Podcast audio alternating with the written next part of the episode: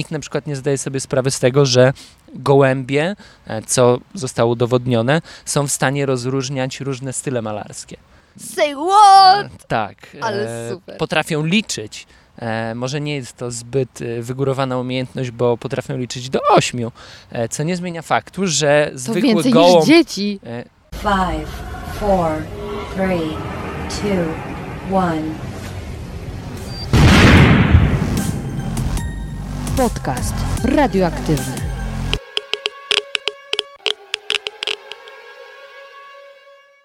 Dzień dobry, dzień dobry. Witam Cię w kolejnym odcinku podcastu radioaktywnego i postaram się bardzo szybko odpowiedzieć to, co muszę powiedzieć, bo ten odcinek jest tak wspaniały, że chciałabym już, żebyś zaczął go słuchać jak najszybciej i mógł, mógł usłyszeć to, co ja usłyszałam, ale muszę parę słów powiedzieć, więc już mówię. Przede wszystkim ten odcinek warto obejrzeć na YouTubie. Od jakiegoś czasu mówię Wam, że nagrywam podcasty w formie wideo i są one dostępne na YouTubie, youtube.com kośnik podcast radioaktywny. I tym razem bardzo gorąco zachęcam Cię, abyś ten odcinek obejrzał, ponieważ jest on wzbogacony o obrazki, które o wiele lepiej pozwolą Ci wczuć się w tę rozmowę, lepiej ją zobrazować. Mm, A już mówię, dlaczego jest to tak istotne. Moim dzisiejszym gościem jest Paweł Pstrokoński z Ogrodu Botanicznego Uniwersytetu Warszawskiego i Paweł jest ornitologiem. Absolutnym znawcą, frikiem, fanatykiem ptaków, ale to wszystko w bardzo pozytywnym znaczeniu tych słów, ponieważ on naprawdę o ptakach wie wszystko i ptaki te wspaniałe zwierzęta to jest jego największa pasja. I nie ukrywam, ja dotychczas lubiłam ptaki. Pamiętam, że jako dziecko uwielbiałam też je obserwować, ale po tej rozmowie jestem już ich tak wielką fanką, że aż jest mi trudno uwierzyć, jak to możliwe, że ptaki, czyli właściwie poza psami i kotami, najbliżej żyjące nas zwierzęta są tak niedoceniane.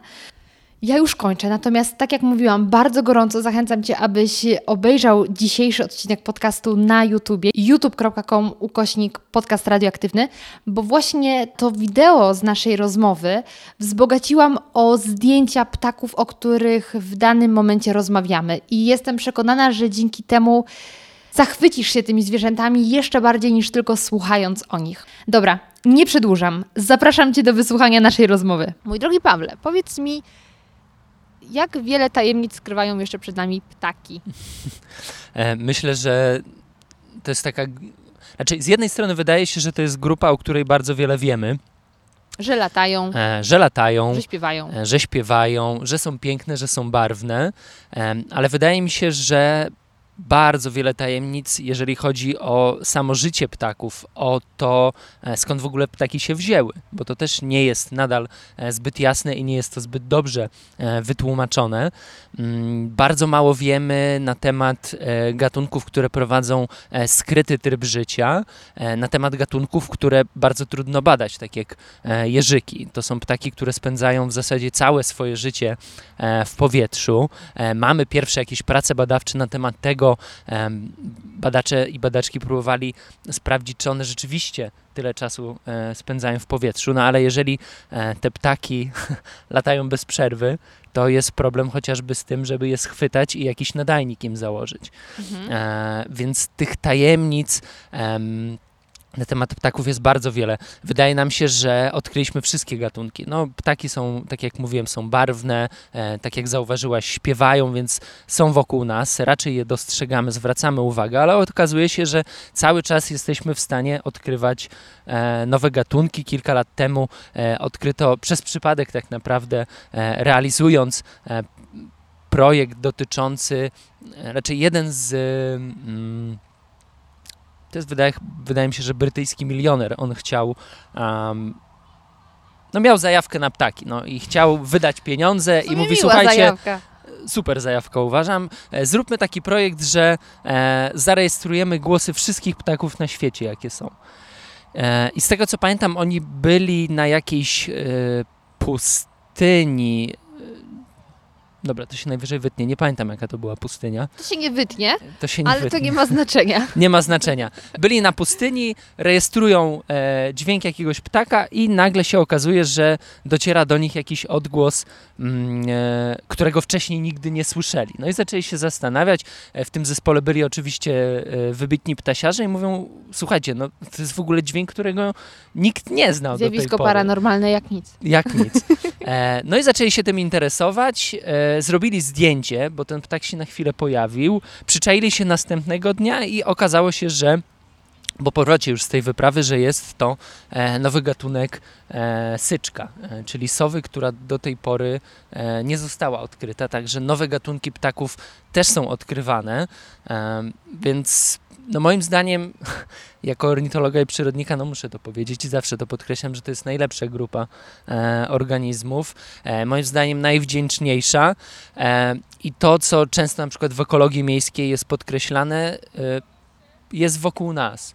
Jest to grupa, e, która nas otacza, na którą bardzo często też nie zwracamy uwagi, bo e, wróble pamiętają nam się gdzieś między nogami, tak samo e, gołębie, ale nikt na przykład nie zdaje sobie sprawy z tego, że gołębie, co zostało udowodnione, są w stanie rozróżniać różne style malarskie.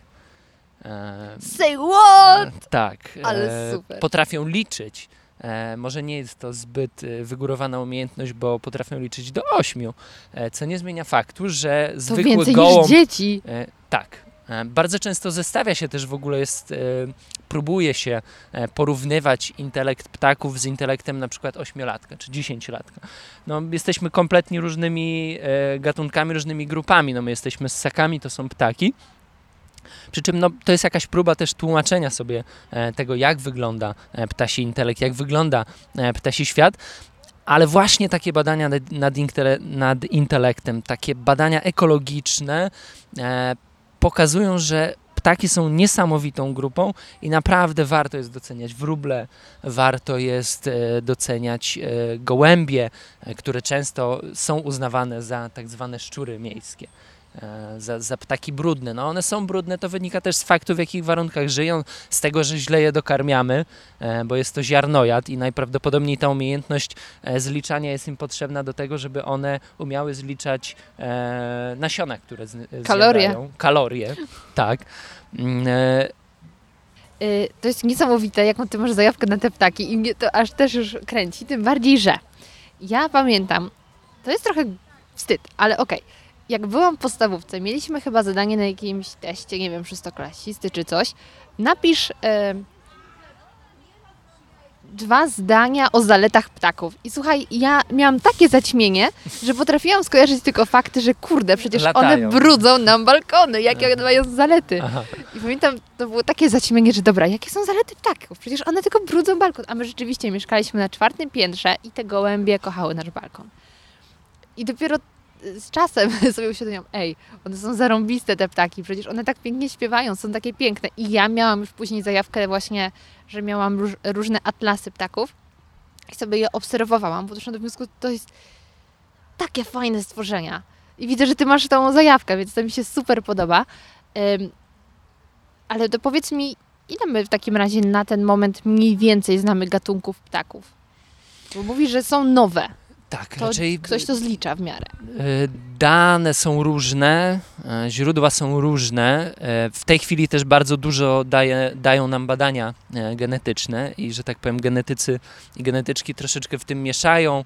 Tworzone są podgatunki, są nowe wydzielenia, ale myślę, że można powiedzieć, że około 9800 do około 10 tysięcy e, gatunków ptaków e, żyje e, na Ziemi. A jeśli to porównać do ilości gatunków gadów albo płazów, to jest ich porównywalnie więcej, mniej? Myślę, że mniej. Mhm. W sensie no, taka jest tendencja, że im organizmy są większe i bardziej złożone, tym jest ich mniej. No, wystarczy spojrzeć, jak wiele jest owadów, jak wiele jest chrząszczy, Pająków. e, pająków. Ach, Tak, e, no tak to jest skonstruowane, że im wyżej idziemy e, w ewolucji, tym e, jest mniej. No, gatunek człowieka jest tylko jeden, chociaż e, w historii tych gatunków, z tego co kojarzę, było co najmniej kilka, ale Homo sapiens jako jedyny potrafił się dogadać i wytępił inne, więc dalej tępi. i dalej tępi. Tak, taką mamy skłonność niestety e, do niszczenia. E, co ciekawe, ptaki, podobnie tak jak my, tak jak ludzie, ja w ogóle też bardzo często e, miałem w ogóle taki wywiad w radio dotyczący inteligencji ptaków, dostałem później mail i w ogóle była też kiedyś bardzo duża, przy okazji innego wywiadu, dyskusja na temat tego, czy możemy mówić w ogóle u ptaków o intelekcie. No mówi się ptasi móżdżek, nie? Tak, I to ja jest bym... takie trochę pejoratywne. Y, Tak, a ja bym raczej był skłonny ku temu, że to powinien być komplement, bo jak pokazują badania, jak e, pokazuje książka Ptasia Inteligencja wybitnego e, badacza, behawiorysty mm, e, pana Emeriego, którą, miałem, którą przeczytałem, no to, to jest komplement. Tak naprawdę ptaki są bardzo bystrymi stworzeniami. E, gdyby ich mózg nie był zaprogramowany do tego, żeby przetrwać, to tego by po prostu e, nie zrobiły. E, no i toczy się ta dyskusja na temat tego intelektu, na temat tego, czy ptaki są fajne, czy możemy je ze sobą zestawiać. Moim zdaniem możemy, jeżeli próbujemy jakoś sobie ten świat tłumaczyć, dlaczego nie mamy szukać jakichś porównań, podobieństw e, między nami. No, gdzieś kiedyś mieliśmy wspólnego przodka, e, wyewoluowaliśmy od jednego organizmu, więc te podobieństwa e, na pewno są, e, chociażby w świecie e, miłości, który naprawdę niewiele, myślę, różni się od naszego e, ludzkiego. I do tego też przejdziemy. E, I do czego zmierzałem, to do tego, że ptaki, podobnie tak jak my, zasiedlają cały świat.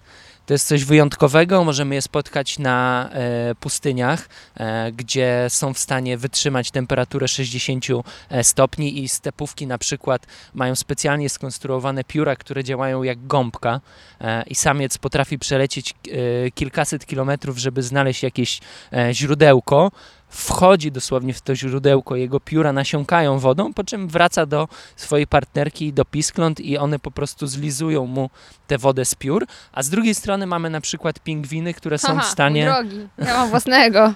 O, proszę, to jakiś magellański. Nie wiem. Warszawski, wiesz? Kumpela w Warszawie mi robiła. Aha, okej. Wygląda tak, bym stawiał, że magellański. A widzisz.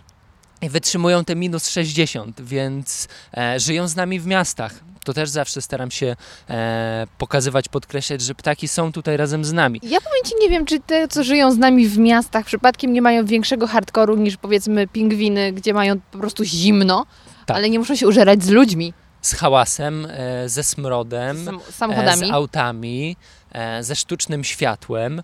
E, no tych, tych problemów, które są tutaj w mieście jest naprawdę sporo, a ptaki i tak tutaj żyją. E, żyją na łąkach. E, mamy teraz problem z tym, że zmienia się gospodarka, tworzymy wielkoobszarowe mm, gospodarstwa rolne, znikają takie gatunki jak chociażby, nie wiem, czajka, ortolan, trznadel, potrzos, czyli te gatunki, które były związane z siedliskami, mm, raczej z, ze środowiskiem rolnym. Zanikają miedze, e, więc mamy coraz mniej e, kuropatw na przykład. Em, Zmieniamy lasy, karczujemy lasy tropikalne pod e, uprawy, e, znikają gatunki e, papug. E, szacuje się, że e, co piąty gatunek z tych 10 tysięcy e, jest w jakiś sposób zagrożony wyginięciem. Nie mówię, że jest to e, gatunek skrajnie zagrożony wyginięciem, gdzie na przykład da, specjaliści dają mu, nie wiem, 10-20 lat i on wymrze, ale miejmy świadomość tego, że właśnie co piąty gatunek e, no być może kiedyś z naszej planety przestanie istnieć. E, I myślę, że warto jest doceniać każde spotkanie z ptakami. E, nie neguję czegoś, co jest e, nazywane twitchowaniem, bo też ma to jakiś swój walor. No to jest, chodzi o to, że dostajemy cynę, że nie wiem, gdzieś na północy Polski jest e, pelikan kędzierzamy, wsiadamy, kędzierzawy, wsiadamy w auto, jedziemy, bo chcemy sobie go odhaczyć e, na naszej liście. Takie osoby bardzo często też odkrywają nowe gatunki dla Polski. Ale myślę, że każde spotkanie z ptakami, e, czy to właśnie z wróblem, czy to z gołębiem, czy z Trochę modraszką, myślę, że warto jest docenić, dlatego że te gatunki, kto wie, może za 200 lat, może nawet za 50 lat będą już gatunk- gatunkami zagrożonymi i może ich już z nami nie będzie.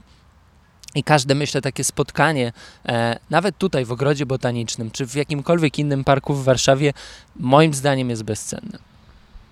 Strasznie mogę dużo mówić, w sensie ja mam taką, musisz się pilnować, Nie, ja mam słuchaj, manierę, jak to- płynę, to... To jest cudowne, bo ja mam to samo i, i wreszcie ktoś, ktoś tutaj zdominuje mnie. Doskonale, tylko tak mi się smutno zrobiło, że my, jako my wpłyniemy na to, że te ptaki zginą, bo no nie, nie, nie ułatwiamy im życia właśnie. Ale mm, przejdźmy teraz do radosnych rzeczy, czyli do takich ciekawostek. Powiedziałeś już o tym, jak mądrymi ptakami są gołębie. I pytanie, czy one są jednymi z najmądrzejszych, czy... Najpra- raczej jest to bardzo trudno mierzalne i trudno jest... e, Mhm. Nie są poddawane y, szczegółowym testom inteligencji, rozumiem. Tak, no trudno jest przełożyć test e, IQ e, na e, Ptaka. ptaka, czy w ogóle na inne organizmy. No, są konstruowane różnego rodzaju e, testy, badania. E, poddawane są temu delfiny, e, słonie, e, orki, e, czy ptaki, takie jak na przykład papugi, czy w ogóle ptaki krukowate, które to są w ogóle zaliczane do e, Emery w tej swojej książce Ptasia Inteligencja mówi o takim klubie e, intelektualisty. E, I do tego klubu, e, poza Homo sapiens, e, naukowcy e, dołączają właśnie słonie, e, delfiny, e, spośród e, szympansy. Spośród ptaków lądują tam głównie ptaki krukowate, takie jak kruk, gawron, e, wrona, e, modrowronki. A co z sową, która się wydaje taka mądra? To jest porzekadło mówiące właśnie sowa mądra głowa, ale wszystko wskazuje na to, że mm, sowy nie są raczej bystrymi stworzeniami i w ogóle Okej, ptaki... zniszczyłeś teraz świat większości fanów sowy z Kubusia Puchatka, wiesz o tym. E, raczej sowy są w ogóle super i trzeba docenić to, w jaki sposób one żyją. No, są nocnymi zabójczyniami, e, mają szereg cech, które są odjechane. A one na serio odwracają głowy? E, potrafią obrócić głowę o 270 stopni. E, jest, to wynika z ich konstrukcji szyi. E, mają, widzą w ciemnościach, e, słyszą, mają wyjątkowo i tak naprawdę wzrok jest uzupełnieniem, to ich słuch jest niesamowity. One mają uszy osadzone na różnej wysokości. I to sprawia, że dźwięk, który dociera do ich uszu i jest analizowany później przez mózg, e, jest pewne przesunięcie i to, to przesunięcie pozwala im z jeszcze większą precyzją oszacować, gdzie znajduje się ofiara i na przykład puszczyk mszarny potrafi usłyszeć nornika pod półtora metrową warstwą śniegu. Więc jest to niesamowita umiejętność, ale z racji tego, że ich życie tak naprawdę ogranicza się do tego, żeby polować, e, no to ich mózg tak naprawdę musi analizować tylko rzeczy związane z zabijaniem więc nie musi być tak rozwinięty, jak na przykład ma to miejsce u ptaków krukowatych, u których istnieje szereg cech, tak jak u nas, u ludzi, związanych z życiem socjalnym. E, Skąd w ogóle się wziął intelekt? Najprawdopodobniej wziął się on stąd, że musieliśmy zacząć po prostu oszukiwać. Musieliśmy zacząć gromadzić informacje na temat tego, kto kiedyś nas wykiwał, e, kto próbował nas oszukać. Zbieraliśmy po prostu te haki wzajemnie na siebie po to, żeby móc je wcześniej, przepraszam, później e, wykorzystać. Ej, to ja ci powiem, że Polacy muszą być turbo inteligentni. Turbo. To E, zbieranie tych haków do mnie przemawia. Raczej e, nie, chciałbym tutaj e, wdawać się w dyskusje dotyczące e, cech narodowościowych, chociaż jesteśmy postrzegani jako naród, który e, lubi oszukiwać. Co powinno się przekładać na intelekt, Wiesz, ale ja myślę, że w Polsce to się nie nazywa oszukiwać, tylko kombinować. kombinować. Tak, tak, tak, myślę, tak. że to chyba To tylko jest- w polskim języku występuje słowo kombinować, z tego co wiem. Więc to jest dość ciekawe.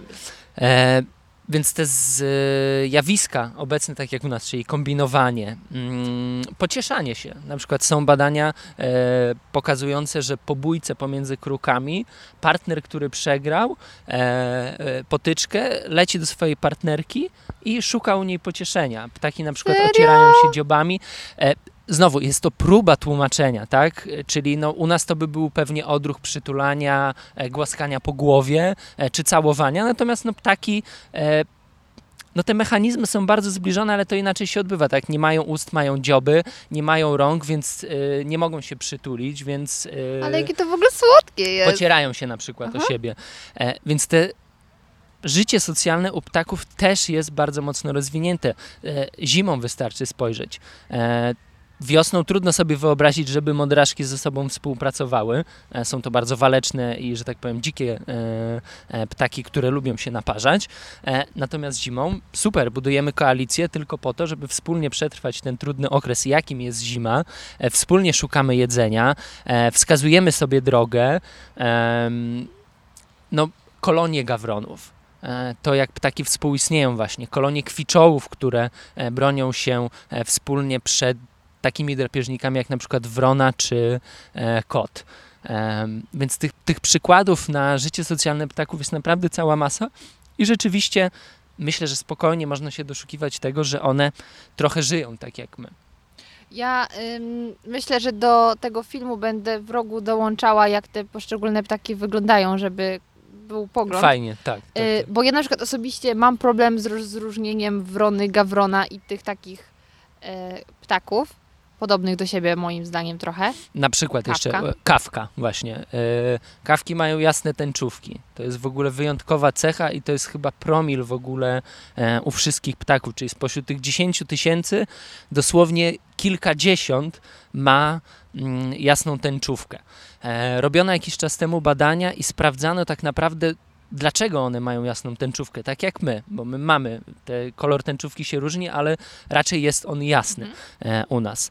E, I co się okazuje? Najprawdopodobniej e, kawki są w stanie piorunować się wzrokiem, czyli e, Prawdziwe kobiety. komunikują się za pomocą tych oczu i inne badania pokazują, że one są w stanie śledzić wzrok innej kawki i za nim podążać, co jest cechą e, przypisywaną do tej pory raczej nam, ludziom, czyli często na przykład potrafimy się nie komunikować werbalnie, ja mogę przesunąć głowę i pokazać ci i ty wiesz o co mi chodzi, tak? Nie muszę pokazać palcem, nie, mu, nie, nie muszę mówić, że ej, tam coś się ruszyło, Albo tylko wystarczy oczami, albo też wiadomo o co chodzi, nie? Właśnie bardzo, oczy w ogóle bardzo dużo dają. Jesteśmy gatunkiem, który jest e, w ogóle mm, nastawiony na bodźce e, wzrokowe, podobnie z ptakami. E, ten zmysł wzroku ptaków jest bardzo dobrze rozwinięty. One się głównie nim e, kierują. No, na przykład sowy kierują się głównie uszami, ale jest to e, rzecz wyjątkowa. I najprawdopodobniej właśnie te jasne tęczówki u kawek mają służyć temu, żeby one wzajemnie pomiędzy sobą, bo też żyją w takich małych koloniach, bardzo często też się gromadzą, szczególnie zimą, żeby sobie właśnie jakieś informacje przekazywać. Jakie to jest niesamowite. Natomiast z takich e, właśnie wrona, gawron, kawka, to takim kolejnym ptakiem miejskim, który, e, który mi się kojarzy z tą grupą, czyli takich trochę mrocznych, jest sroka. Jakie te sroki, kurna, są wielkie. One są większe od mojego psa, bo ja mam maltańczyka i, i one naprawdę wyglądają na takie niebezpieczne. Czy one są niebezpieczne, czy tylko tak, tak wyglądają? Znaczy, na pewno są agresywne i to cechuje zarówno wrony, jak i sroki. E, to też wpływa na ten ich ogromny sukces w mieście. No, ja dostaję zapytania, e, dlaczego te sroki tłuką inne ptaki, e, dlaczego wrony wyjadają e, młode z gniazd. No, dzięcioły też to robią. E, był filmik. Te kochane e, dzięcioły? boga, z bogatką, która w, przy karmniku zabiła, utłukła dosłownie czeczotkę, której wyjadła mózg. E, więc to nie jest tak, że to jest domena tylko ptaków krukowatych. no tak, no, ten świat, świat, świat przyrody jest bardzo brutalny i właśnie my najczęściej widzimy wronę, która na przykład, nie wiem, wyjada truchło jakiegoś gołębia i świetnie, że to robi, bo jest padlinożercą. E, nie musimy, nie wiem, wysyłać Sprzątać. służb, które to robią, tylko po prostu wrony się z tym gołębiem e, uporają. I ta agresja, to, że one są właśnie duże, e, to, że są bardzo łebskie, bardzo szybko się przystosowują do tych zmian, które my im serwujemy, tak? E, wrony wniknęły do miast w latach 70. ubiegłego wieku. One przez 40 lat, czyli powiedzmy przez 4-5 pokoleń, one nauczyły się zrzucać e, orzechy pod koła. Agnieszka Czujkowska z Ptasiego Azylu mówi, że to jest w zasadzie podstawowa umiejętność w tej chwili, którą matka przekazuje swoim dzieciom, czyli jak rozłupać orzech. E, W tej chwili, ja bym powiedział, mamy boom na śmietniki pośród wron. One wzajemnie przekazują sobie informacje i grzebią. To, że mamy rozrzucone e, śmieci wokół śmietnika, to nie jest dzieło, jak e, spotykam się z takimi opiniami bezdomnych, e, tylko właśnie wron, które nauczyły się korzystać z tych śmietników.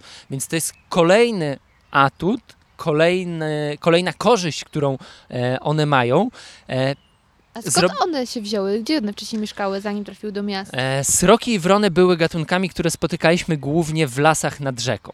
Czyli Mm. powiedzmy, jakbyśmy się wybrali na północ czy południe Warszawy, do takich nadwiślańskich łęgów, to tam też 60-70 lat temu spotkalibyśmy wrony.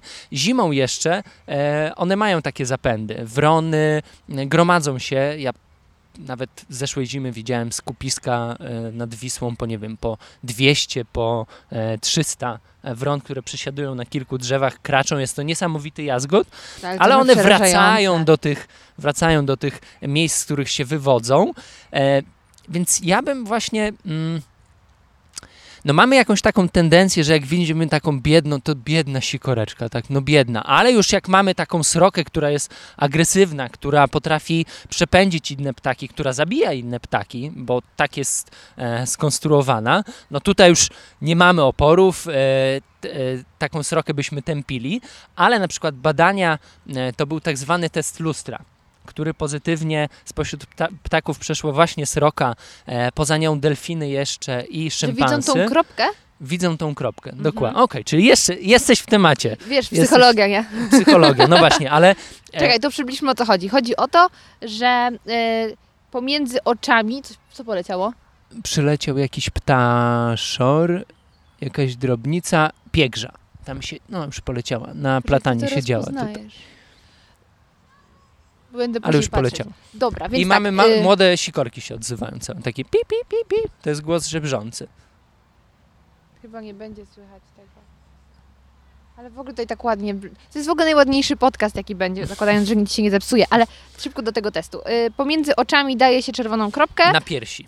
A Aha, akurat, no bo U ptaków, okej. u ptaków... U ludzi między oczami, u dzieci, tak sprawdzano. Kiedy Tak. dziecko zaczyna dostrzegać siebie w lustrze. I właśnie zwierzętom robi się to samo, czyli jeśli wie, że w lustrze nie jest inne zwierzę i To powinno zareagować na to, że ma kropkę i coś Tak. powinno z nią zrobić. tak, Z tego co pamiętam, tak to u dzieci chyba to się półtora roku.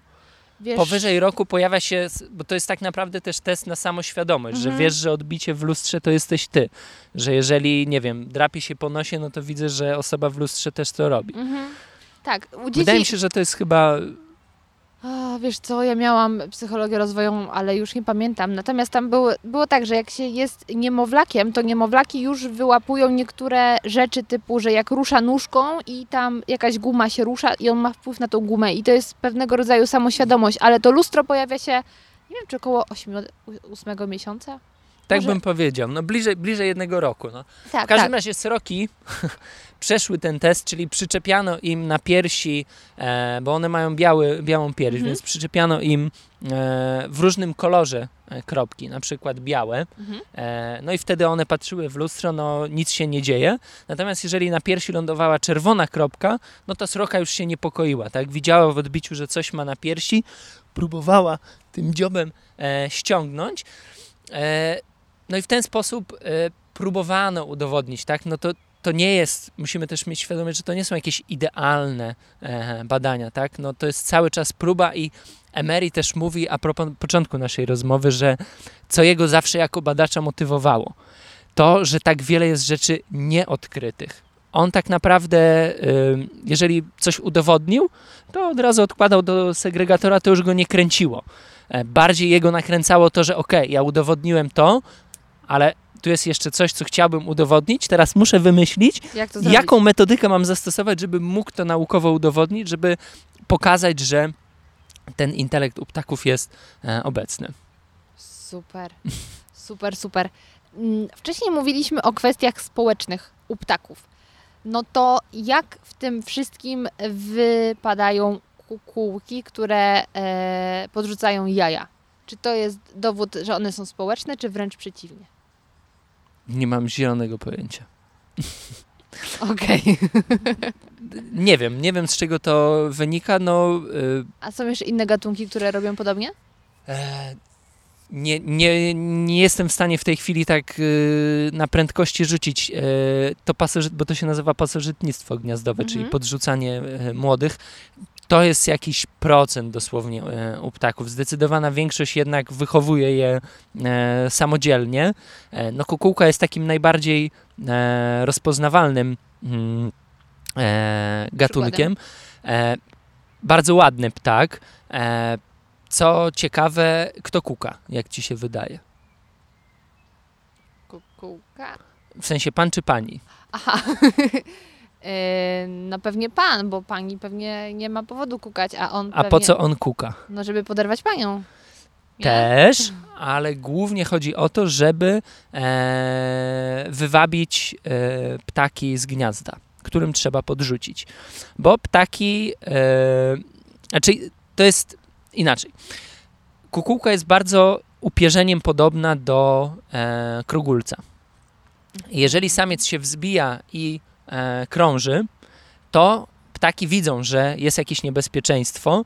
E, to jest w ogóle, ta, to się w świecie przyrody nazywa mimikrą, czyli udajesz kogoś, kim tak naprawdę nie jesteś. No kukułka nie jest myszołowem, nie jest e, drapieżna, Ty, ale e, krogulcem, natomiast to- podszywa się pod niego po to, żeby prowokować ptaki, którym chce podrzucić gniazda do reakcji. Reakcja polega na tym, że ptaki często się chowają, czyli nie wiem, włażą jeszcze bardziej w tę gęstwinę, ale często reakcja na przykład jest taka, że wylatują. E, czyli wiemy, że mają tutaj gniazdo, krąży kukułka i prowokuje ptaki do tego, żeby wylecieć, jednocześnie obserwuje okolice. Mówi, okej, dobra, to ja już widzę, że tutaj pierwiosnek ma swoje gniazdo, więc teraz muszę zrobić wszystko, żeby dać szansę mojej partnerce. E, no i kukają. Kukają po to, żeby wywabić jeszcze raz te ptaki i to daje czas kukułce, samicy, na to, żeby w tym czasie wleźć do gniazda i złożyć tam kukułcze jaja. Damn. Dosyć Ależ złożony to jest mechanizm. przebiegłe, no. Tak. Natomiast powiedz mi, jak to jest z tymi kukułkami, bo właśnie mi ostatnio mama powiedziała, że podobno jest tak, że kukułki zaczynają dokładnie jednego dnia, tam po którymś dniu kukać. Że wcześniej jest cicho i nadchodzi dokładnie jeden dzień w roku i one od razu przestają wszystkie kukać. To jest prawda, że to jest jak, jak w zegarku, że tutaj zaczynamy kukać, tutaj przestajemy? Nie wiem.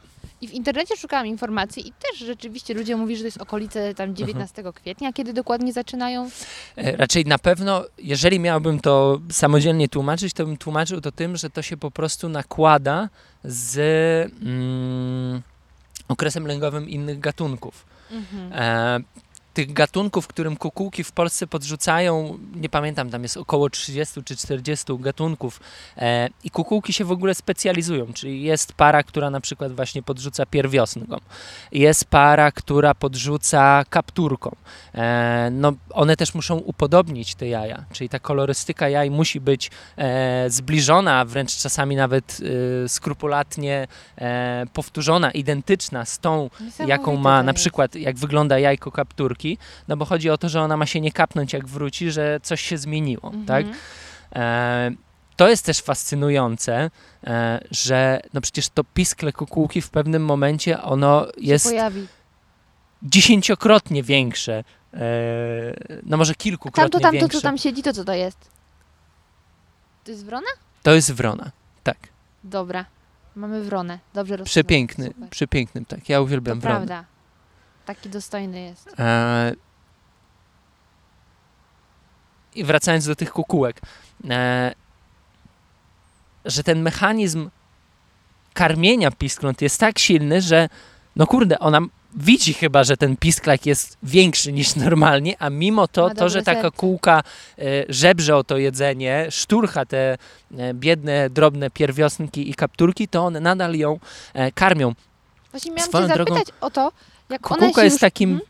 mam wrażenie, jest takim właśnie a propos tej tajemniczości, ile jeszcze zostaje do odkrycia.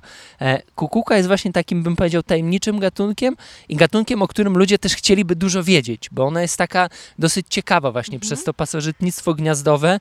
Nie jest taka e, jak inne gatunki, robi coś innego, tak? Kuka. Większość osób, no nawet w zegarkach się wykorzystywało w mechanizmach, tak? Mamy kukułkę w zegarku, bo Mhm. zegarek kuka jak kukułka. Mhm. E, jesteśmy w stanie, myślę, że większość społeczeństwa byłaby w stanie powiedzieć, o, kukułka się odzywa, Tak. tak? Ten głos nie jest jakiś skomplikowany. Kukułka, y, I, i dużo mam i- pytań w i ogóle dzięcioł. o, o, o jakbym miał powiedzieć tak, ludzie strasznie dużo chcą wiedzieć tak, o kukułkach, o sowach, e, o dzięciołach, e, o wronach, Nie, czekaj, mm, o srokach, ptaki. czyli raczej skupiamy się na takich gatunkach e, pospolitych, e, dużych, które widzimy. E, no i ludzie lubią zadawać pytania. No to jest no też chyba taka nasza natura, że, że, że, że chcemy wiedzieć i gdybym miał powiedzieć, o wróbla często pytają Mhm. e, też. Mm, Ale czekaj, ja mam do Ciebie jeszcze pytanie o te kukułki, skoro lubimy pytać. Bo mnie zastanawia, że No. jak ten ptak się wylęgnie e, i właśnie on się różni powiedzmy od pozostałych piskląt, to Znaczy ich już nie ma w gnieździe. Pie- Pierwsza zasada A, jest taka, że e, kukułka podrzuca mm, i młode mają tak zakodowane, to jest wpisane w ich geny, że po wykluciu pierwsze co ono robi, to ym, wypycha e, jaja pozostałe. Mm, one mają bardzo silne nogi, te młode pisklaki, i bardzo silne skrzydła. On po prostu bierze to jajko na barana i je ale wypycha. kto wybierze na... piskle, kukułki. Czyli morduje pozostałe? To ich jeszcze, raczej to są zalążki, które siedzą w jaju, więc Boże, jakie to paskudne! Serio? I ona jeszcze karmi tą kukułkę, to... Dame. jest to podwójne zło, jeżeli mielibyśmy, raczej, no właśnie nie chcę oceniać, bo, No bo widzisz, no reakcja nie? jest taka, że ale ona ją zabija, no ona robi wszystko po prostu, żeby przetrwać, no taki ma e, mechanizm, tak wyewoluowała e, i w ten sposób robi wszystko, żeby e, zachować ciągłość swojego gatunku, no. Nikt nie ocenia na przykład e, właśnie, nie wiem, tych e, pierwiostków, które e, wyjadają komary, wręcz przeciwnie, jesteśmy super, zachwyceni, że wyjadają drobne owady, bo jest ich mniej wtedy w naszej okolicy i Mhm. nie żerą nas, ale już jeżeli kukułka wyrzuca jaja, no to już mamy taką tendencję do tego, żeby oceniać, a wydaje mi się chyba, że nie nam oceniać, bo skoro ten mechanizm działa. od tylu set Tak. tysięcy lat działa, no to coś w tym jest. No. Taki fake po już prostu. mamy już dwie, nie wiem, Słuchaj. możesz dać tytuł Obalacze mitów. Tak. Bo już wiemy już, że sowa nie jest Orzeł mądra. nie jest więcej Orzeł polskim nie jest ptakiem. orłem tak naprawdę. Zniszczyłeś mi życie. No. Podcast radioaktywny.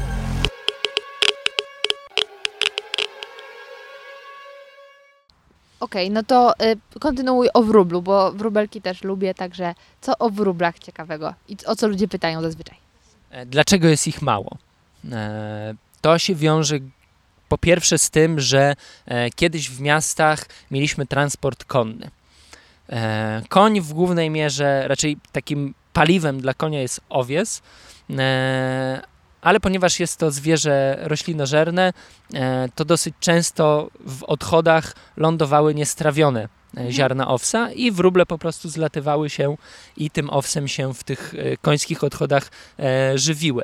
E, koni już z nami nie ma. Mamy teraz konie mechaniczne, których jest e, Więcej. od cholery i ciut, ciut w tej chwili. E, zachęcamy oczywiście jednocześnie przekaz podprogowy do przysiąścia się na rowery i do komunikacji zbiorowej. Ale najpierw nauczenia się jazdy rowerem i przepisów? Tak, i przestrzegania ich. Więc to był pierwszy taki przełomowy moment, czyli ten czas, kiedy powiedzmy w tych latach 30., 40., 50. E, ta motoryzacja bardzo prężnie zaczęła się rozwijać, auta stały się e, popularne, ogólnodostępne.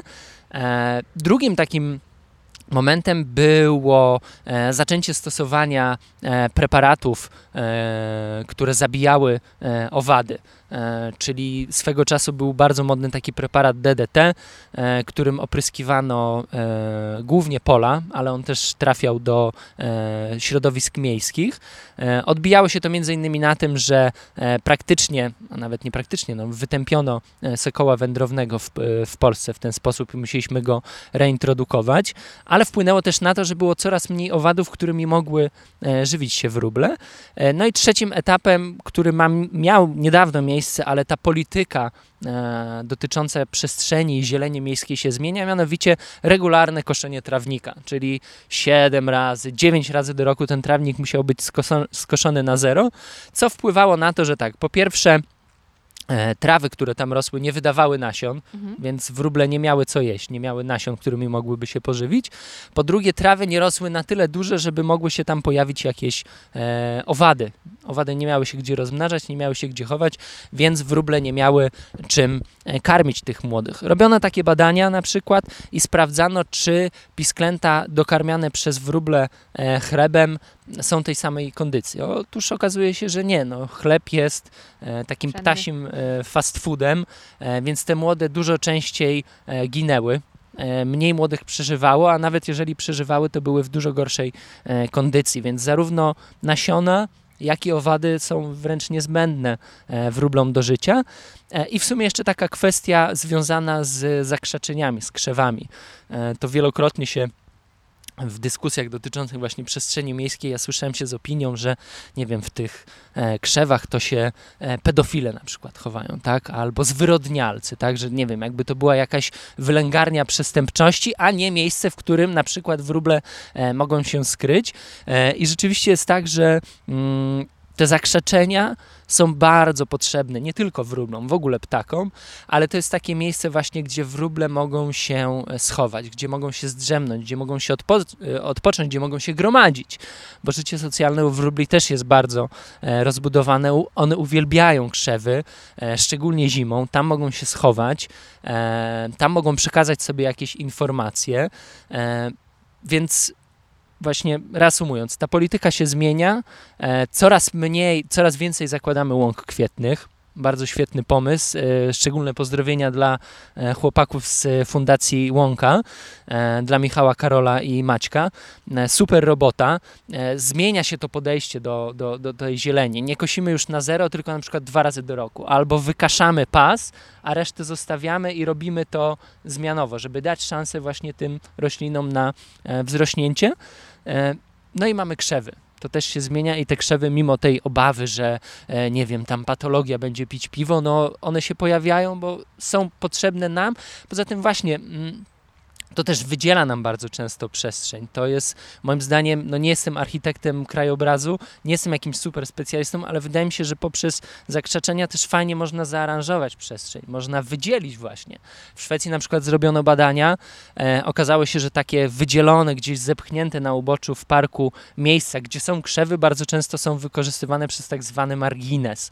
Czyli no przez osoby, które po prostu lubią sobie usiąść przy piwku. Co zrobiono? Po prostu otoczono ich kompletnie krzewami, od, że tak powiem, no, odcięto ich e, od tej reszty parku, gdzie nie wiem, bawiły się dzieciaki, gdzie biegały psy, gdzie była reszta społeczeństwa i dano im ten fragment parku po to, żeby mogli z niego skorzystać na swój sposób. Nie uważam, żeby to było złe, no bo ta przestrzeń im też jest e, potrzebna, ale właśnie aranżując e, poprzez krzewy udało się to stworzyć. Moim zdaniem super, ptaki na pewno na tym też skorzystały. Ale jestem w ogóle w szoku, że, y, że to jest wszystko tak ze sobą połączone, że No. tyle jest czynników, ale że w ogóle y, usunięto krzaki, które są potrzebne y, wróblom między innymi, Między innymi. bo patologia, ej, serio, nie skojarzyłam nigdy krzaków z patologią. E, ławki w Warszawie są. Nie ma, Dlaczego? bo kto się niszczył? Też, no i patologia siedzi na ławce, bo patologia przychodzi pić piwo. I Słuchaj, dlatego, to ja nie wiem, dlatego zaczęto Nie wiem, jak nas odchodzić... zakwalifikować teraz. E, no nie, nie widzę, żebyśmy mieli tutaj jakieś piwko, e, w krzakach. ale nie wiem, w, no w Anglii to jest w ogóle cała filozofia i, i, i dla nich ławki są, no może słowo święte jest dużym słowem, ale Istotne. bardzo istotne, bo oni bardzo często y, grawerują rzeczy i są ławki upamiętniające coś. Nie, nie mają takiej mentalności jak my, że muszą Pomnik. stawiać ogromne pomniki, tak, bardzo często w sposób nielegalny i niezgodny z prawem, czy wręcz konstytucją. Natomiast oni upamiętniają to rzucając na przykład tabliczkę, tak? I nie wiem, jakieś małżeństwo było silnie związane z danym parkiem i po ich śmierci rodzina e, upamiętnia ich, e, wrzucając Spoko. to jest w ogóle super sposób na zbieranie też środków, tak? Czyli, e, nie wiem, wyobrażam sobie sytuację, że na polu mokotowskim albo w Skaryszewskim chcę mieć, nie wiem, e, ławkę, tak? Swojego imienia. No to miałbym duże ego i chciałbym mieć taką ławkę, tak? Idę do miasta, mówię, słuchajcie, ja wam płacę, nie wiem, 1500 zł, weźcie mi tutaj, wygrawerujcie i proszę, żeby to była moja ławka. Więc jest to, jest, to też taki sposób na pozyskiwanie e, pieniędzy e, w Barcelonie. No nie wyobrażam sobie Barcelony bez ławek, które są w zasadzie permanentnie e, zajmowane przez rodziny z dziećmi. Dzieciaki biegają, rodzice w tym czasie zajmują się drugim dzieckiem. Masa staruszków siedzi na tych ławkach. Jest to miejsce spotkań, więc myślę, że te ławki są bardzo ważne. Strasznie odeszliśmy od tematu. Ale, ale to jest bardzo mądre to, co mówisz, bo zobacz, mówi się, że w dużych miastach, w Warszawie i w ogóle żyjemy w takim pędzie, że ciągle się spieszymy. No ale kurczę, Ja bym se na ławeczce klepnął i to w ogóle bez Dokładnie, dwóch chcesz zdań. odpocząć, to gdzie masz, przepraszam, usiąść? Na środku ulicy? Raczej one w parkach są, natomiast nie ma takich ławek e, w tej takiej Randomowych. powiedzmy, tak, No. że rozsianych gdzieś, tak? Naprawdę nie ma. E, No nie wiem, e, moja babcia siłą rzeczy, ja też starzeję się, wraca z zakupów i sama mi mówi, mówi, słuchaj synek, no idę od przystanku, nie mam gdzie usiąść. Ona bardzo często w ogóle idąc z jednego przystanku siada na drugim, bo tylko na tym przystanku jest, Jest ławka. ławka. Była bardzo duża dyskusja na temat, y, miasto się chwaliło bardzo, że mamy nowe wiaty. Jednym z warunków konkursowych było to, że ławki, które są zaprojektowane do tych nowych wiat, mają być ławkami utrudniającymi kładzenie się. Dlaczego? Bo bardzo często widywano bezdomnych, którzy na nich spali. No No i jak nie ma tej przestrzeni dla nich, tak, no to też oni próbowali się w tej przestrzeni miejskiej jakoś odnaleźć, więc korzystali z tych ławek. Teraz mamy grodzenia, tak? Czyli tak naprawdę masz ławkę podzieloną, czyli każdy ma swoje siedzisko. Nie możesz się na niej położyć, bo takie było założenie. No chyba nie o to chodzi. No, masz rację. Wróćmy do ptaków. Ptaki wydają się jednak fajniejsze niż ludzie. Słuchaj, bo takim y, sztampowym słowem, który ma sprawdzić naszą znajomość ortografii jest grzegżółka. Prawda. Nie będę cię pytać, jak się pisze. Nie, nie, nie. Tylko Zastanawiam. grzegżółka jest ptakiem. Zagięłaś mnie. Wydaje mi się, że to jest chyba jakaś stara nazwa któregoś z gatunków, ale nie pamiętam. Zabij Kurczę. mnie, nie... Widzisz, bo nie chciałam cię zapytać o jakieś takie mm, ciekawostki związane z grzegżółką, żeby nam może łatwiej ta pisownia się wpoiła, bo wydaje mi się, że tam jest dwa razy RZ. Ja bym powiedział, że jest dwa razy RZ i ukreskowane. Ja bym przynajmniej tak, tak, tak to właśnie napisał. bym powiedziała. Ale dobra. Czyli, czyli ciekawostek nie będzie. W tym kierunku nie możemy pójść, bo...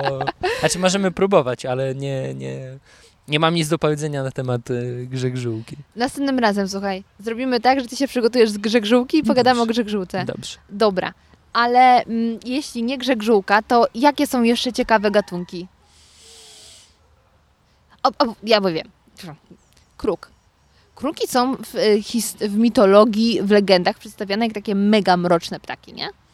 Mm, Bo tak były w głównej mierze utożsamiane, ale na przykład w mitologii chińskiej e, kruk w ogóle był biały. Ja raz widziałam w internecie zdjęcie białego kruka, ale to wygląda creepy.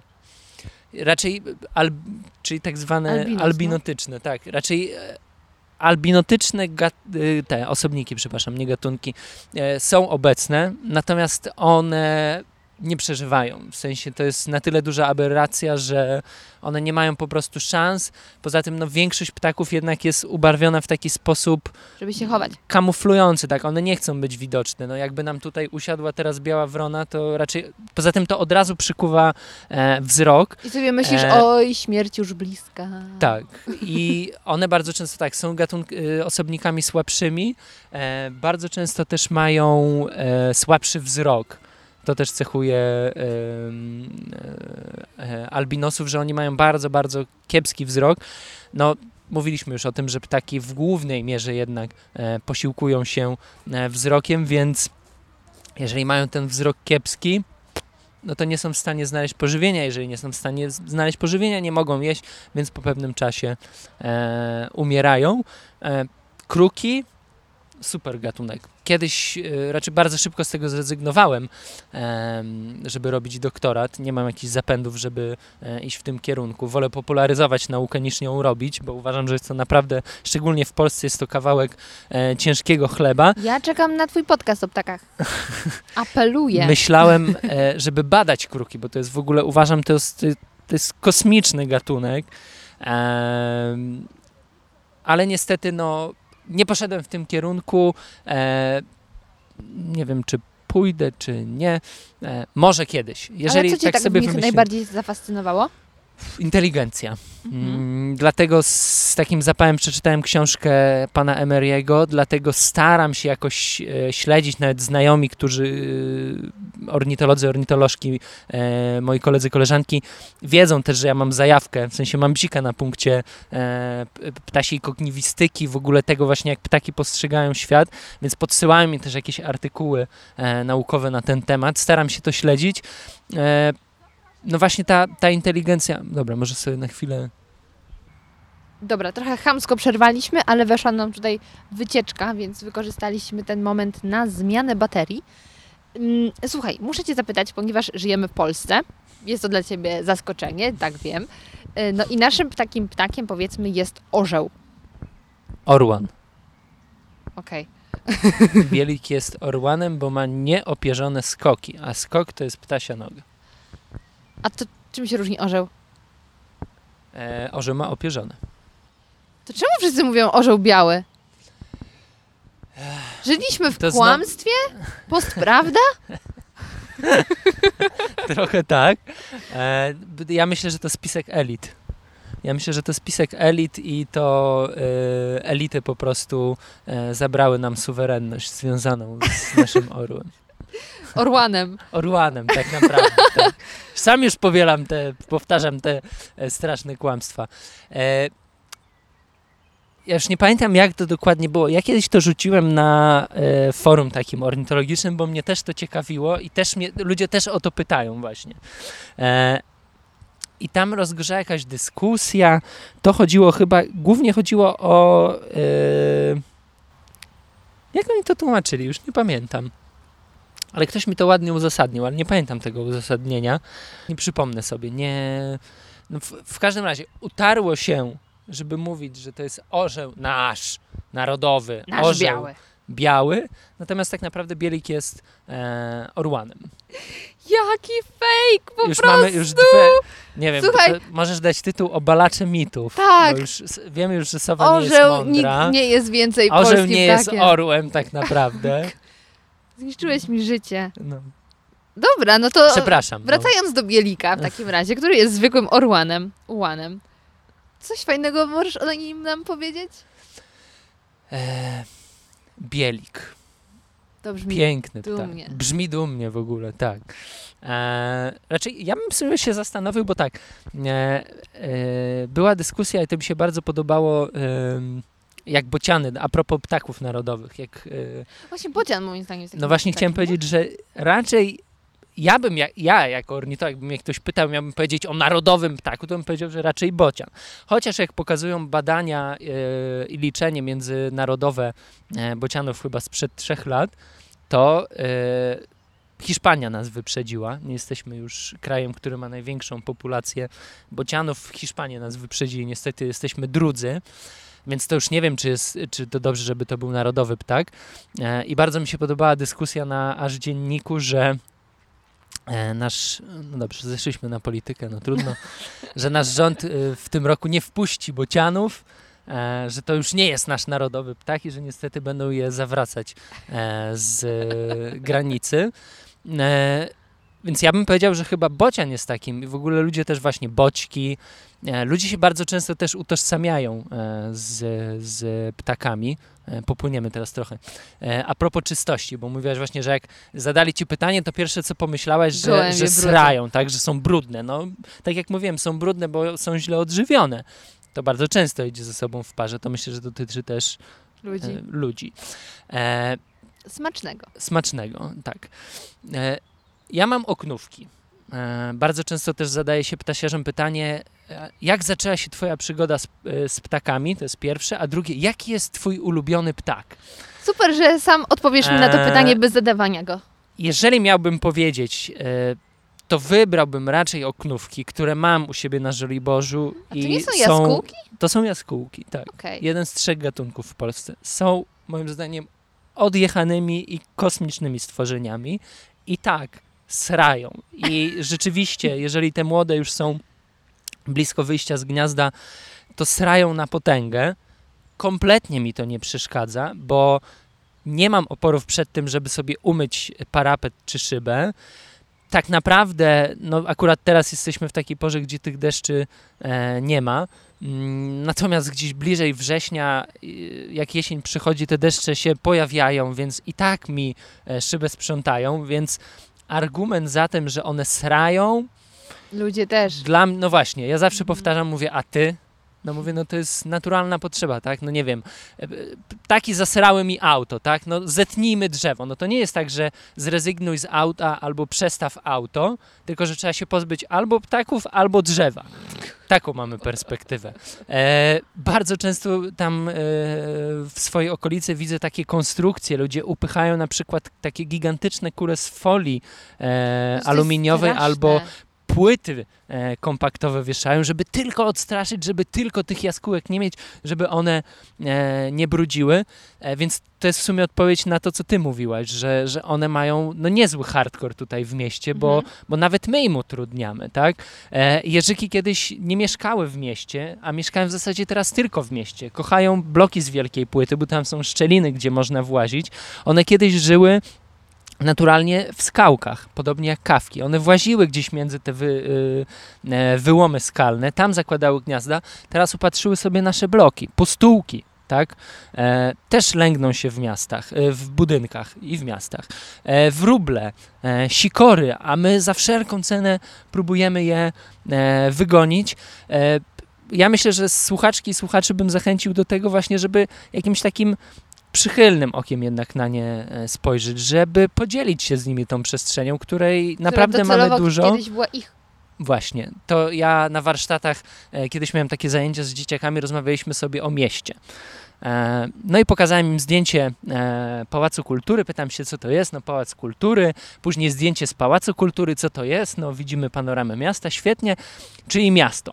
Tak, no mieszkacie w mieście, no większość podnosi rękę, że tak, jeżeli nie w samej Warszawie, to gdzieś w okolicy.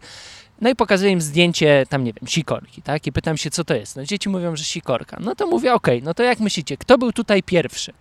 My czy one? No i to jest jakaś taka...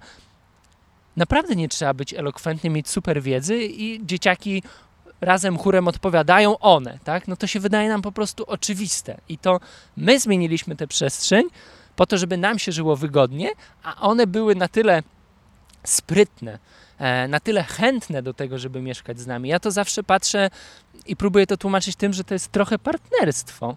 W sensie, że te, już abstrahując, czy to są ptaki, czy to są w ogóle.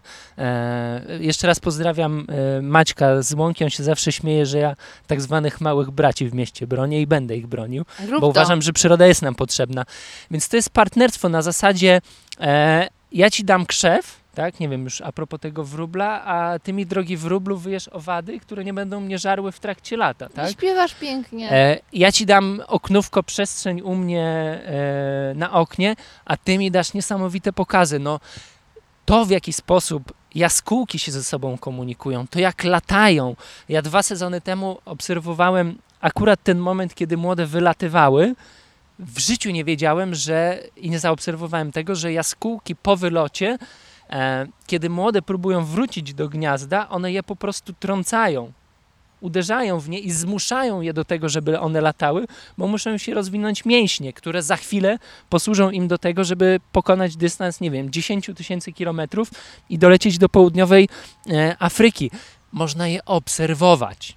To jest najważniejsze. to tak bo ludziom się wydaje właśnie ornitolog, tak? No to zaraz, kalosze, jakieś e, spodnie wojskowe, lornetka, tak? W ogóle wytrawna, wytrawna rzecz, tak? To się to pachnie też tak elitarnie, a to wcale tak nie jest. E, Brytyjczycy mają nawet taki termin, nie pamiętam jak to się z angielska e, nazywa, zadrzyj głowę, tak? To nie jest nic wypitnego, tak? No, ja bez użycia lornetki powiedziałem Ci, że jest tutaj piegrza, można się zdać na słuch. Te ptaki są wszędzie, doceńmy to. To jest właśnie fajne, że one chcą tutaj z nami być. E, dzielimy się tą przestrzenią, tak? Ja mam blok, w którym mogę mieszkać, ale mam też okno, które użyczam oknówką. Nie mam z tym najmniejszego problemu. Moim zdaniem świetnie współegzystujemy. Uwielbiam słuchać ich świergotu. Uwielbiam podziwiać, jak one latają. To jest, ja, ja po prostu momentami nawet jak o tych oknówkach, w sensie mm, tak jak ludzie mają psy w domu, nie wiem, koty, tak? Ja mam moje oknówki i na przykład w tym roku e, strasznie kręciły się modraszki wokół tego gniazda. Mhm. Właziły tam, zaglądały, walczyły z wróblami i myślę sobie, kurde, pierwszy raz, odkąd tu mieszkam, nie będę miał oknówek. E, no i mówię, taka trochę lipa. Ale mówię, dobra, może te oknówki przylecą. Napisałem do paru kolegów z pytaniem, mówię, słuchajcie, mam modraszki, kto wygra walkę o gniazdo? I wszyscy mówią, kurna modraszka, tak? Mówi, oknówki nie mają szans. Zakłady sobie I mówię, robicie. kurde, mówię, ja muszę coś zrobić. Mówię, muszę mieć te oknówki. No i stoimy e, z Kaśką w oknie i tak mówimy, kurde, mówię, no, no tak głupio trochę przepłaszać, nie? No, no, no co, no będę płoszył te modraszki, no już jak tam się zalęgły, mówię, może wyprowadzą pierwszy lęk, a z drugiego zrezygnują, wtedy wejdą oknówki. Na szczęście są oknówki. E, I dla mnie ta para oknówek, mam nadzieję, że to jest ta sama, nawet jeżeli nie jest, to mogą się wymieniać tym gniazdem, nie robi mi problemu. Dla mnie to jest jak zwierzak domowy, w sensie... Mm, ja strasznie to Wiesz przeżywam, co? strasznie Masz się rację. U nas kiedyś zalęgły on- sikorki i był upał i one gotowały się pod tym dachem i spadały i dla... No cześć! O, cześć Wrona, jest Jak predator.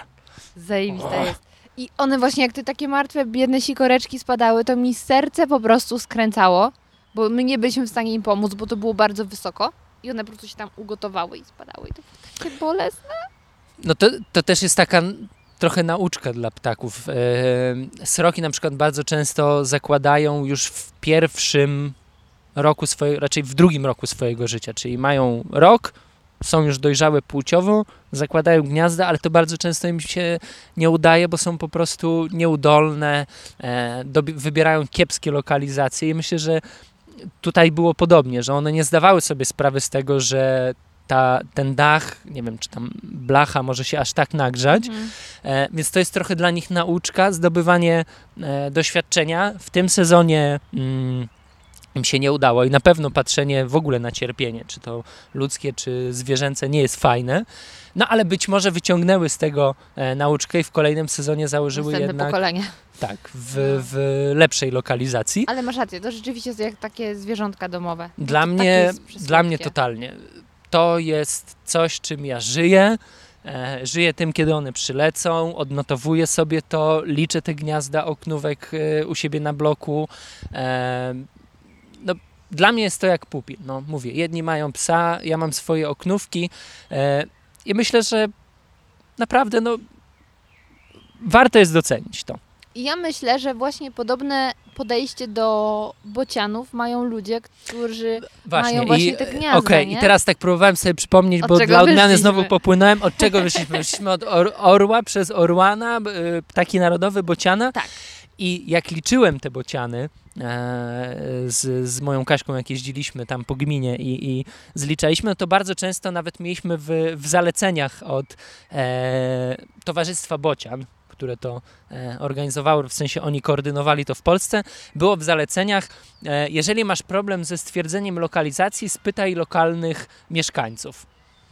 Idziesz do lokalsa e, i Siema, Kurde! ludzie pamiętają. Była nawet sytuacja nad Biebrzy, kiedyś mi kolega, pozdrawiamy Marcina, Siuchniak mi opowiadał taką sytuację, że rolnik się go pyta, mówi tak, proszę pana, bo ja mam taką sprawę, no słucham. Pan sobie wyobrazi, że mój bocian poszedł do sąsiada i on ma do mnie wrócić. Proszę pana, jak strącić to gniazdo? I Marcin tak mówi, nie, nie, nie, proszę pana, no takich rzeczy nie robimy, no po prostu gniazdo sąsiada jest bardziej... At- ono nie może być, proszę pana, bardziej atrakcyjne, ten bocian musi do mnie wrócić. Więc ludzie to strasznie personalnie w ogóle traktują. Pytam się gościa, on mi opowiada całą historię. Proszę pana, bo tu młode, akcja ratunkowa, ja dzwonię na policję, porażenie prądem, stara nawet mi pomagała. Proszę pana, tu w ogóle cała rodzina żyła tym bocianem. Oni wiedzą, oni na przykład mówią tak, u mnie jest jedno, ale jak pojedzie pan do sąsiedniej wsi, to mija pan spożywczak, skręca pan w lewo, e, tam nie wiem, Kowalski mieszka i za Kowalskiego domem, jak pan skręci w prawo, dwa gniazda są. Jedziesz jak w ciemno są I jak można gniazda. nam wmawiać, że jakiś orzeł jest naszym ptakiem, jak nawet nie jest orłem, jest orłanem, a poza tym bociek. Bociek. Bociek. I myślę, że to też fajnie pokazuje i ja na przykład bardzo lubię rozmawiać z moim przyjacielem, teraz pozdrawiamy Karola, e, i lubię sposób, w jaki on obserwuje, w sensie, bo jak już się jest tym ornitologiem, jak się już na tym zna, to pewne rzeczy są oczywiste, na coś tam się nie zwraca uwagi, a on ma w sobie taką dziecięcą zajawkę, w sensie na przykład, ty, I przyleciał ostatnio, słuchaj, i, i stoję na podwórku, nie? I leci taki wielki ptak. Myślę sobie, no, no może ten bielik, tak? Ale nie, no, bielik to jest większy. Myślę sobie, kurde, może myszołów. To mógł być myszołów biały? Ja mówię, no, słuchaj, z tego co wiem, jak wygląda two- twoja okolica, to pewnie tak. Mówi, no, to było świetne. A w ogóle ty, słuchaj, ostatnio bażanty u mnie walczyły. No stare, jakie to jest widowisko. I to mi się podoba, że ludzie możemy się bronić przed tym. Możemy tego nie dostrzegać, możemy w tym pędzie, o którym Ale mówiliśmy. Dlaczego? Nie? To jest tak Nie wiem, ale- pocieszne, lepiej nie bronić się. Bo jak zabijesz sobie wewnętrzne dziecko, to właściwie straciłeś Mogiła. życie. Tak, tak, Najgorzej. to, już, to już nie No. macie, a, a to jest gdzieś, raczej jest gdzieś, no jest tutaj, tak, no śpiewa kapturka. Przed chwilą przyszła już kolejna wrona, tak? Mhm. E, no one są tutaj i Takie Ja ja na zona żywo. Tak, zo- zo na żywo. E, teraz jeszcze mi się przypomniało, bo e, mama do mnie dzwoniła dwa dni temu z pytaniem, że e, była e, na wsi, no i ptaszek przyleciał. E, ludzie bardzo często zadają te pytania i, i, i no ja się z tym spotykam. No okej, zdjęcie spoko, bo to jest łatwo oznaczyć z reguły, jeżeli jest w dobrej rozdzielczości. Natomiast jeżeli ktoś mi mówi, że widział małego brązowego ptaszka, no halo, bardzo mi trudno i bardzo mi przykro, no ale nie umiem odpowiedzieć. Chociaż do tej pory pamiętam, jak kiedyś byłem mm, z moim serdecznym e, znajomym Łukaszem. Pozdrawiamy Łukasza. Byliśmy w terenie e, i zaczepił nas pan. Słyszałam to, co to było? Kosio. Oj, uwielbiam. Ale y, hiszpańskie kosy brzmią tak samo jak nasze polskie, ale nadal On jest to tam ten przepiękne. taki czarny, Gdzie- gdzie- to gdzie- gdzie- gałęzi. Jest, siedzi. Oczywiście Jaki ładny. eksponowane miejsce i nasz solista ogrodowy. Ponieważ tam jest O. kamera, to wam nie pokażę, ale jest naprawdę, jest ładny. Piękny. Dobra, wracając. Uwielbiam. E, Kolega. kolega. I, y, jak, ktoś, jakiś pan was zapytał, jaki to tak. A, i, i zaczyna nam opowiadać o tym ptaku, tak, że on tak się zachowywał, taki miał kolor. E, no, opowiada nam i ja tak mówię do Łukasza, mówię, ty słuchaj, ja bladego pojęcia nie mam, co to jest. I on mówi do niego, a miał aparat, tak, ma pan zdjęcie? Nie, no nie mam, nie, nie, nie udało mi się uchwycić, ale wie pan, no taki charakterystyczny ptak. I nagle widzę Łukaszowi się tak Mówi, proszę pana, czy ten ptak miał czubek? No tak, tak, tak, to ja tego panu nie powiedziałem, on miał taki czubek do góry. Mówi, czajka, a no czajka, no tak, dziękuję bardzo. I się rozstaliśmy. Myślę sobie, what? Mówię, Łukasz, jak ty na to wpadłeś? Mówię, z tego opisu, który ten gościu nam dał, nigdy bym nie powiedział, że to była czajka. I chyba tym słowem było charakterystyczny, tak? E, i, I to jakoś Łukasza tak nakierowało i on powiedział, że to jest czajka. E, ja niestety mojej mamie też powiedziałem, że no przykro mi, ale nie pomogę, bo mówię, słuchaj, no żebyś mi chociaż powiedziała, e, jak się zachowywał, tak? Nawet komórką spróbowała jakieś kiepskiej jakości zdjęcie zrobić. Może bym spróbował, ale to nie jest proste. E, także też uczulam i proszę mieć wyrozumienie, e, wyrozumiałość, przepraszam, dla e, ornitologów, że nie zawsze jesteśmy w stanie powiedzieć wszystko, chociaż kiedyś słyszałem taką opinię, że ornitolog to jest osoba, która i tak wciśnie ci wszystko. Bo ty się nie znasz. Bingo. Więc ja ci mogę powiedzieć, wiesz, że w tej chwili to Myszołów. myszołów tak śpiewa i ty byś pewnie Uwierzyła. uwierzyła. Ale tak? a propos już śpiewania. Powiedz mi, czy ptaki się pomiędzy sobą z różnych gatunków porozumiewają? One się rozumieją, czyli na przykład y, wróbel rozumie jaskółkę ze śpiewu? Wróbel może nie, z jaskółką się nie dogada, prędzej może jaskółka z jeżykiem, albo wróbel z mazurkiem, albo na przykład ten kos z kwiczołem, bo jest coś takiego jak głosy uniwersalne u ptaków. To jest taki powiedzmy, nie wiem, ptasie angielski ptasie esperanto, czyli taki język uniwersalny, który e, rozumieją, e, rozumie większość ptaków i na przykład taki kos, jeżeli zobaczy niebezpieczeństwo i wyda odgłos mm, e, uniwersalny, który najczęściej jest właśnie głosem informującym o zbliżaniu się jakiegoś niebezpieczeństwa, typu nie wiem, krogulec czy kot, to większość ptaków w okolicy to zrozumie, czyli zapadnie się i tu pojawia się właśnie Emery pisał e, o altruizmie ptaków, czy to jest obecne. E, może nie jest to jakiś wybitny dowód na to, że ptaki są altruistami, natomiast ten kos, informując o tym, że to niebezpieczeństwo się zbliża, trochę ryzykuje, bo on zwraca na siebie uwagę, tak? To on wydaje ten odgłos, więc ten drapieżnik słyszy właśnie jego, więc może swoją uwagę skupić na nim. Ale ptaki wychodzą z założenia, że jeżeli teraz ja cię ostrzegłem, to w następnej kolejności ty będziesz na tyle uprzejmy, że ty też poinformujesz. Czyli one tak naprawdę kooperują między sobą w jednej wielkiej grupie i ptaki w ogóle cały czas się informują. E, te głosy kontaktowe bardzo często są wykorzystywane, nawet to, co teraz słyszymy. Cicu. To jest takie, e, Marcin zawsze mówi, że to jest tutaj jestem, halo, tutaj jestem. Że one się na bieżąco informują, gdzie są, czy mają coś ciekawego do jedzenia, co robisz. E, szczególnie jak e, podróżują, jak ptaki migrują. Gęganie gęsi, bardzo charakterystyczne. To jest nic innego jak przekazywanie sobie informacji typu, nie wiem, zmień mnie, tak? A propos początku naszej rozmowy, e, nie wiemy w jaki sposób ptaki informują siebie o tym, że trzeba się zmienić, tak? Bo migrując, na przykład gęsi Chyba latają w tak zwanych e, kluczach i klucz wygląda rowerzyści, tak? E, kolarze korzystają dokładnie z tego samego, czyli największe opory przyjmuje na siebie e, pierwszy e, rowerzysta czy rowerzystka, reszta za nim się chowa, bo te opory powietrza są wtedy e, mniejsze, tak? Mniejsze, dobrze mówię. Za- Zanim są mniejsze. Zanim są mniejsze, dokładnie. I ptaki też z tego korzystają, jak migrują, ale jak to się dzieje, że one wiedzą, że ten pierwszy ptak jest zmęczony? Mm. To jest super. Zwalniają, może zmienia się prędkość, może on po prostu, i to też na przykład u gęsi jest fajne, mamy tam e, tą, jak to się nazywa, matriarchat, tak? Tam jednak e, najczęściej, jak się okazuje, e, to samice gęsi są tymi, które kierują stadem i które są tym pierwszym ptakiem, który obiera kierunek i który e, toruje drogę właśnie. Mhm. Ale to jest właśnie ta zagadka z początku naszej dyskusji, jak to się dzieje, jak one się podmieniają, jak oceniają to, skąd wiedzą, tak? Więc najprawdopodobniej poprzez gęganie przekazują sobie informacje typu hej, słuchajcie, nie dajesz już rady, weźcie mnie podmięcie, tak? Jest zamianka, ptaki lecą dalej, utrzymują prędkość i kierunek.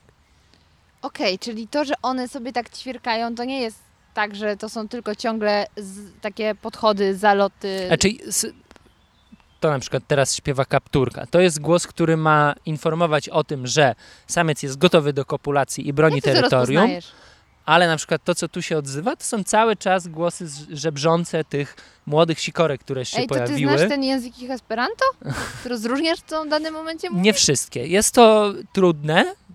Są osoby, które są lepsze ode mnie, natomiast, no, że tak powiem, wytrawny ornitolog powinien to wiedzieć, bo przy takim na przykład listowiu, jakie mamy w tej chwili, bardzo często ich nie widzimy, a możemy je usłyszeć. I tak naprawdę słuch jest w stanie nam zdecydowanie więcej powiedzieć o nich. Ale O tym, gdzie się znajdują, co robią, tak? Bo już mówię Ci, że w tej chwili jestem w stanie stwierdzić, no, że tu mamy jakąś rodzinę sikorek, nie wiem ile, ale wiemy, że młode są gdzieś w pobliżu, rodzice będą je jeszcze przez chwilę karmić, góra tydzień i stary i stara będą je dojeżdżać, będą je dziobać, będą je szturchać i będą je zmuszać do tego, słuchaj, okres Wypad. karencji już się skończył, wypad, teraz sam sobie musisz szamę ogarnąć. To samo dotyczy szpaków, niedługo pojawią się wrony, e, naturalny proces, no, każdy kiedyś z gniazda musi wyfrunąć. O, u ludzi niekoniecznie. Słuchaj, Paweł, zastanawiam się, bo ja chciałam Cię jeszcze podpytać o życie erotyczne, tak jak mi. Czekaj. Raz, dwa, raz, dwa. O, dobrze. Coś zobaczyłam, że jedna ta idzie, a to przecież moja. y, Natalia, która dała mi w ogóle namiar do ciebie, zasugerowała mi, że muszę cię wypytać o życie erotyczne ptaków, ale zastanawiam się, czy to jest tak szeroki temat, że lepiej to przerzucić na kolejny podcast. Jak uważasz? Myślę, że tak. Raczej to jest o tyle wdzięczny i ciekawy temat, że chyba teraz Że nie ma co spłycać. nie ma co spłycać Dobra. i nie traktować tego e, po łebkach, bo Jest o czym rozmawiać. jest o czym rozmawiać. Poza tym to jest temat też bliski nam. Temat, który zawsze nas intryguje i seks, w- czy to jest seks ptaków, czy ludzki, zawsze nas e, interesuje. Myślę, że nie jest to temat tabu. E, W no i podcastach nie ma tematów tabu. nie ma tematów tabu. Super. Tym bardziej, więc myślę, Czyli że robimy kontynuację. robimy kontynuację i Cudownie. Możemy porozmawiać o ptasich jądrach, wynicowanych y, niby penisach, o zdradach, o romansach, e, o wiernych partnerach, na przykład Kruki są wierne. Powiem Ci, że to brzmi bardziej hardkorowo niż, e, Niż serial Szkoła w TVN, gdzie tam się dzieje akcja w liceum, więc Grubo, wiesz. grubo. super. Ogromnie Ci dziękuję. Mam Dzięki. nadzieję, że wszyscy rozkochali się w ptakach teraz e, tak bardzo jak Ty i jak ja, bo ja już złapałam bakcyla. No i wracamy do erotycznego życia w następnym odcinku. Ja też chciałem podziękować i e, jednocześnie chciałem e, zaprosić Państwa do odwiedzenia naszego ogrodu e, botanicznego w Alejach Ujazdowskich. E, Gdzie jesteśmy jest to, właśnie, jest Jesteśmy w tej pięknie. chwili, stąd e, realizowaliśmy to nagranie. E, jest pięknie i myślę, że trzeba tu przyjść, popodziwiać nie tylko ptaki, ale jak sama nazwa mówi, botaniczne. A czy można do. Ciebie się zgłosić, żebyś oprowadził i opowiedział trochę o ptakach sam? Żywo. najlepiej szukać informacji na naszym profilu na Facebooku. Po prostu wpisujemy ogród botaniczny UW i tam szukamy informacji. I tak, myślę, że na pewno jakieś wycieczki ornitologiczne będę chciał organizować, bo Powołajcie się jest, na podcast. jest duży boom po prostu i ludzie chcą się, sama to też powiedziała, że ludzie chcą wiedzieć o przyrodzie, chcą wiedzieć o ptakach. Ptaki zrobiły się bardzo trendy, e, są modne. W ogóle zauważyłem też, że cały biznes ptasiarski się teraz mocno w Polsce rozkręcił, typu lornetki, e, Koszulki lunety. z z Koszulki, z tak. E, No. wie- Więc jest boom, jest o czym mówić. E, no ale oczywiście zapraszamy nie tylko do ogrodu, ale w ogóle na koniec zachęcam bardzo do tego, żeby obserwować ptaki. I nie wyganiać ich e, z balkonów i z okien. Tak, Dziękuję bardzo. dzięki. Jak wrażenia? Mam nadzieję, a tak naprawdę nie mam nadziei, tylko jestem przekonana, że od dziś spojrzysz zupełnie inaczej na te latające stworzenia zwane ptakami. Koniecznie daj mi znać, czy Paweł zrobił na tobie tak duże wrażenie jak na mnie, bo moim zdaniem jest absolutnym freakiem w naprawdę bardzo pozytywnym znaczeniu tego słowa. Możesz do mnie napisać maila na podcast radioaktywny małpa.gmail.com. Czekam tam na wszelkie Twoje uwagi, zażalenia, skargi, co tylko chcesz. Zapraszam Cię również na mojego Instagrama